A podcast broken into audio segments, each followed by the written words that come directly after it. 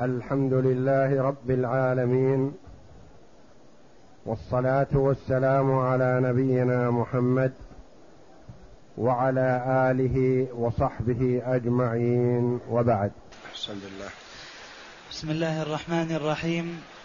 قال المؤلف رحمه الله تعالى فصل وإن لم يذكر الربح أو قال لك جزء من الربح أو شركة لم تصح المضاربة لأن الجهالة تمنع تسليم الواجب. هذا الفصل في تفصيل بعض أحكام شركة المضاربة. وتقدم لنا أن الشركات أنواع متعددة ومن ضمنها شركة المضاربة. وتسمى القراض وهي أن يدفع شخص ماله إلى آخر يتجر به والربح بينهما على ما شرطاه الربح بين صاحب المال وصاحب العمل. وهذه إحدى أنواع الشركات السائغة في الإسلام لأن المرء قد يكون عنده المال لكن ما يستطيع أن يعمل إما لتفرغه لطلب العلم أو لتفرغه للعبادة أو لعجزه بدنيا أو لأمر من الأمور. فما يحسن بقاء المال بدون تحريك. وآخر عنده القدرة على العمل لكن ما عنده مال. فمن محاسن الشريعة الإسلامية جاءت بأنواع من الشركات ومنها شركة المضاربة هذه. ولا بد فيها من شروط أن يكون العامل له جزء محدد من الربح فلا يجوز أن يعطى مبلغا معينا. يقال اتجر بهذا المال ولك كذا لأن كلمة ولك كذا قد لا يحصل ربح بقدر هذا المبلغ وقد يكون الربح كثيرا. وهذا المبلغ قليل بالنسبة لمجهود العامل. فيعطى نسبة معينة من الربح حتى لا يكن هناك جهالة ولا غرر على أحد الطرفين. يكون له مثلا ربع الربح له نصف الربح له ثلث الربح وهكذا. فالنسبة من الربح تكون مقدرة ولا يحصل حينئذ جهالة ولا غرر. حصل الربح ألف ريال له مثلا مقرر نسبة الربع له مئتان وخمسون. حصل الربح عشرة آلاف له ألفان وخمسمائة. وهكذا. فما يحصل جهالة ولا غرر. قال المؤلف رحمه الله تعالى وإن لم يذكر الربح أو قال لك جزء من الربح أو شركة لم تصح المضاربة. لأن هذه فيها جهالة. إذا قال لم يذكر الربح قال خذ هذا المال اتجر به. ولا ذكر له نسبة من الربح. ما صحت. أو قال لك جزء من الربح قال لك جزء أو لك سهم أو لك نصيب من الربح. ما صحت لأن ما هذا الجزء وما هذا السهم وما هذا النصيب لازم يحدد. أو قال شركة يعني خذ هذا شركة يعني الربح مشترك بيني وبينك. بنسبة إيش؟ ما ذكر ما صح. لم تصح المضاربة. لأن الشريعة الإسلامية تحرص على تفويت أسباب الخلاف كلها. تتدارى أسباب الخلاف ولا يحسن أن يكون خلاف بين المستأجر والمؤجر بين المشتري والبايع بين المضارب وصاحب المال بين الشريك وشريكه. تتفادى الخلاف يعني تأمر ببيان الأمور واضحة جلية حتى لا يكون هناك مدخل للشيطان يوجد الخلاف بين المتعاملين. نعم. وإن قال لك مثل ما شرط يقول لأن الجهالة تمنع تسليم الواجب. إذا جهل النسبة ما عرف ما هو الواجب تسليمه. نعم. وإن قال لك مثل ما شرط لفلان وهما يعلمانه صح. وإن قال خذ هذا المال واتجر به. ولك مثل ما يأخذ فلان الذي يتاجر بأموال الناس. معروف أن فلان يأخذ نسبة الثلث الربع وهما يعلمان ذلك. يعني بشرط أن يعلما ما يأخذه فلان حتى لا يكون هناك جهالة. فيكون كل واحد منهم راضي بهذا. لئلا في حال الجهالة ربما يظن صاحب المال أن لفلان عشرة بالمية فإذا له خمسون بالمية ما يصح. يوجد جهالة وغرر. أو أن العامل يظن أن فلان يأخذ خمسين بالمئة فإذا هو يأخذ عشرة بالمئة فيكون فيه جهالة وغرر وضرر على العامل. فلا بد أن يعلم. يقول مثلا هذا المال خذه والتجربة ولا حاجة إلى أن أتشارط وإياك. أو نختلف. أعطيك مثل ما يأخذ فلان نسبة الربح من مال فلان وهما يعرفان كم يأخذ فلان. صح لأنهما حدد المبلغ بالنسبة التي يأخذها فلان المعروف لديهما. وإن جهلاه أو أحد جهله وإن جهلاه. وإن جهلاه أو أحدهما لم يصح. إن جهلا نسبة ما يأخذه فلان ما صح. لأن لأنه عبارة أن أحدهما ما يدري كم النسبة. نعم. ولا يجوز أن, أن يشرط لأحدهما دراهم معلومة.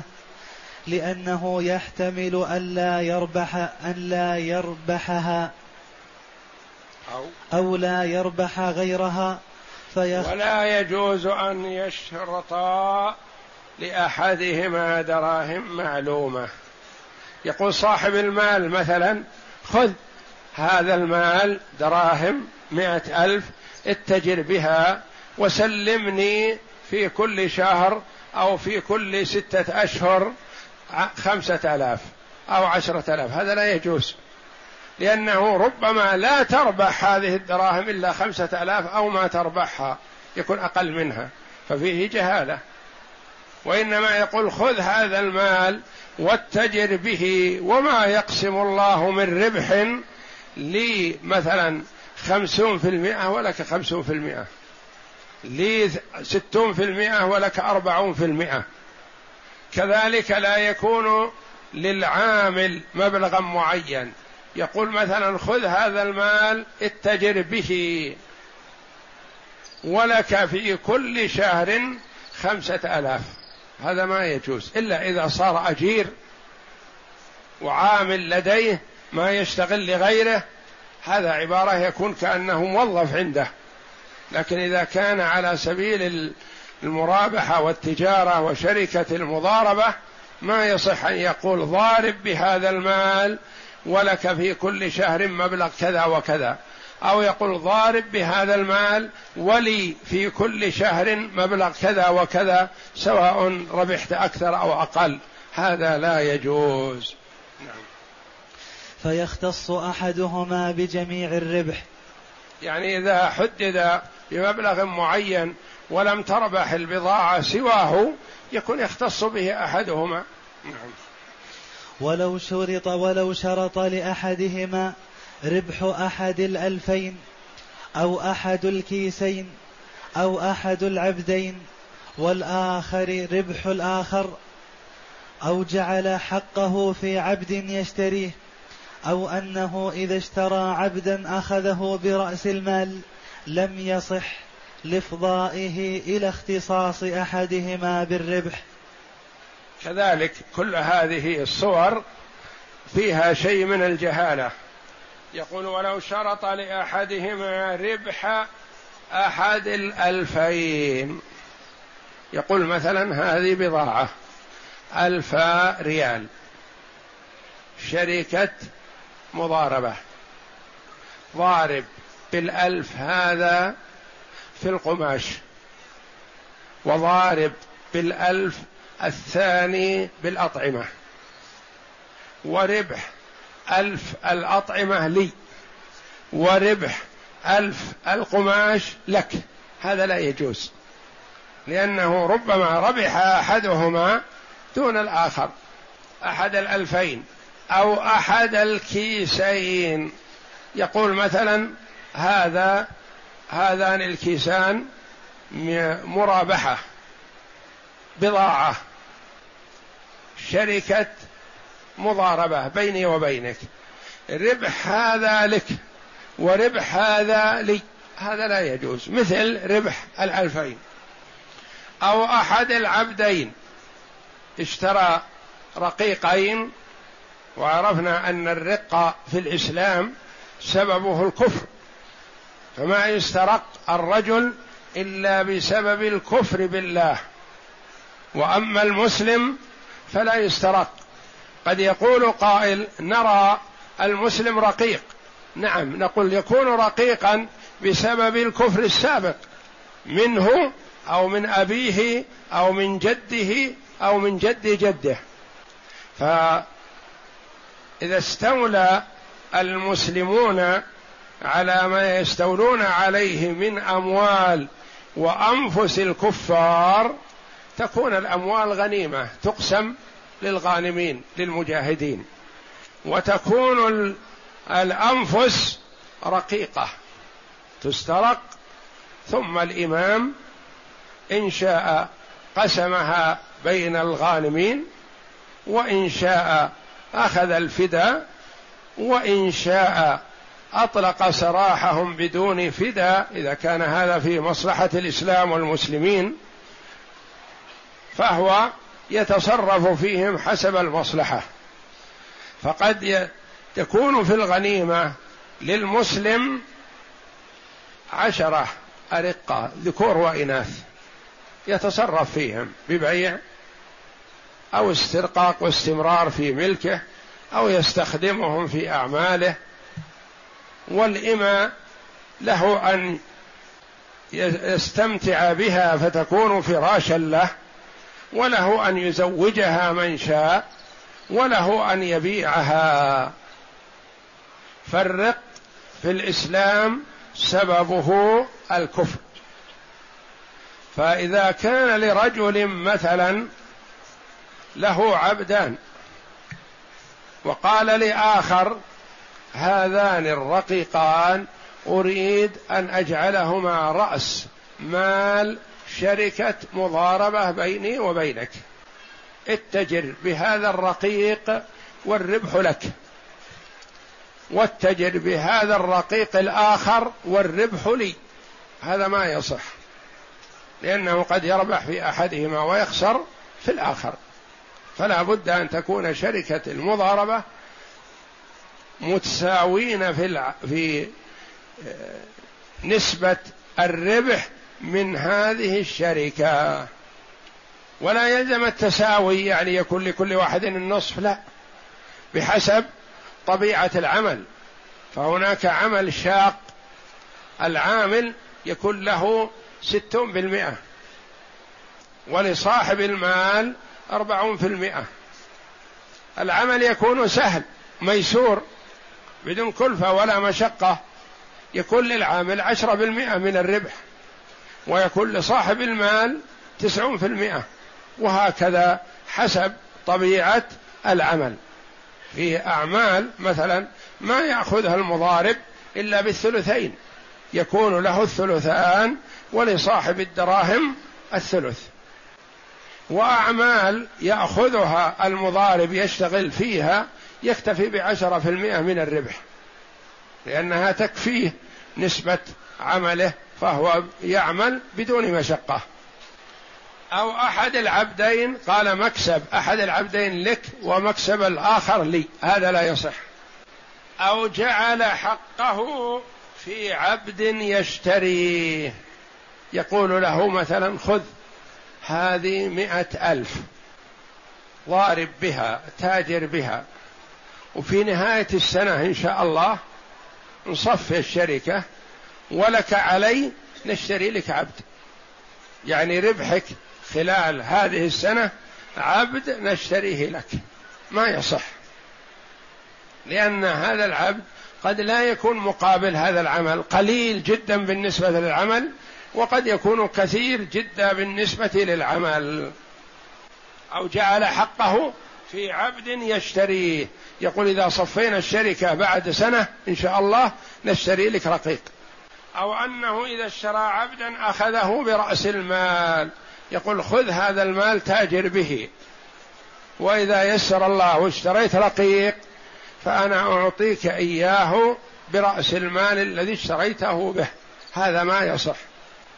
لم يصح لإفضائه. إلى اختصاص أحدهما بالربح. نعم. فصل. وإن قال خذه مضاربة والربح كله لك أو قال لي لم يصح. وإن قال خذ هذا المال مضاربة والربح كله لك. هذه مئة ألف مضاربة بيني وبينك وما يقسم الله من ربح هو لك. ما يصح. لأن هذا في تناقض. لأنه قال مضاربة وقال الربح لك. ما يصح. لو قال خذ هذا المال التجربة وما يقسم الله من ربح هو لك صح. صار هذا عبارة عن قرض. يقرض هذا المال ويقول التجربة وما يقسم الله من ربح هو لك. لكن إذا قال خذ هذا المال مضاربة وما يقسم الله من ربح هو لك. هذه تناقض. مضاربة تدل على الشراكة. وما يقسم الله لك من ربح هو لك تدل على الانفراد. فهو كأنه يقول خذ هذا المال مضاربة قرضا. يقول ما يجوز. مضاربة قرضا ما يصح. لأن القرض بدون فائدة للمقرض وإنما احتساب. والمضاربة له جزء من الربح.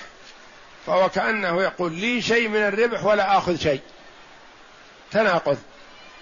أو قال لي لم يصح. قال خذ هذا المال مضاربة بيني وبينك والربح كله لي. إذا ما فائدة العمل؟ ما هو حق العامل؟ ليس له شيء. أنت قلت مضاربة. مضاربة يدل على أن له شراكة. وقلت الربح كله لي هذا تناقض. فلا بد أن يكون مضاربة حقيقية أو أنه يتجر بمالك تبرعا. مثلا يكون الرجل عنده تجارة واسعة تقول خذ هذه مائة ألف اتجر بها. ماذا تريد من الربح؟ يقول ما أريد شيء. الربح كله لك. فتقول إذا جزاك الله خيرا. خذ اتجر بهذا المال وما يقسم الله من ربح هو لي. هذا لا بأس. لكن إذا قلت خذ هذا المال مضاربة وما يقسم الله من ربح هو لي وحدي لا هذا تناقض لأن كلمة مضاربة تدل على الشراكة. وما يقسم الله من ربح هو لي تدل على الاختصاص بالربح. نعم. لأن موضوعها على الاشتراك في الربح فشرطه كله ينافي مقتضى العقد فبطل. نعم. وإن قال خذه فاتجر به والربح كله لك فهو قرض لأن اللفظ يصلح للقرض. وقد لأنه إن قال خذه فاتجر به والربح كله لك فهو قرض. يعني هذا صحيح. لأنه ما قال خذ هذا المال مضاربة والربح كله لك. ما يصح. لكن إذا قال خذ هذا المال واتجر به والربح كله لك. شخص مثلا أعطى أخاه مئة ألف قال خذ هذه مئة ألف اتجر بها وما يقسم الله من ربح هو لك. صح. لأنه عبارة كأنه أقرضه هذا المبلغ. أعطى ولده مثلا مبلغ من المال وقال اتجر به وما يقسم الله من ربح هو لك. هذا قرض يصح. لكن إذا قال خذ هذا المال مضاربة وما يقسم الله من ربح هو لك ما صح. لأن الكلمتين يناقض بعضها بعضا نعم. وقد قرن به حكمه فتعين له. نعم. وإن قال والربح كله لي فهو إبضاع لأنه قرن به حكمه. لأن اللفظ يصلح للقرض. يعني قل هذا المال تاجر به. هذا قرض. وقد قرن به حكمة حكم القرض أن الربح كله للمقترض.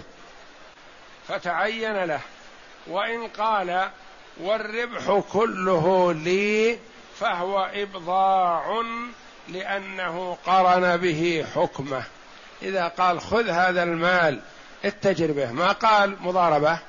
قال خذ هذا المال اتجر به والربح لي. فرضي العامل بهذا فلا بأس لأنه عبارة متبرع بالعمل. والله أعلم وصلى الله وسلم وبارك على عبد ورسول نبينا محمد وعلى آله وصحبه أجمعين.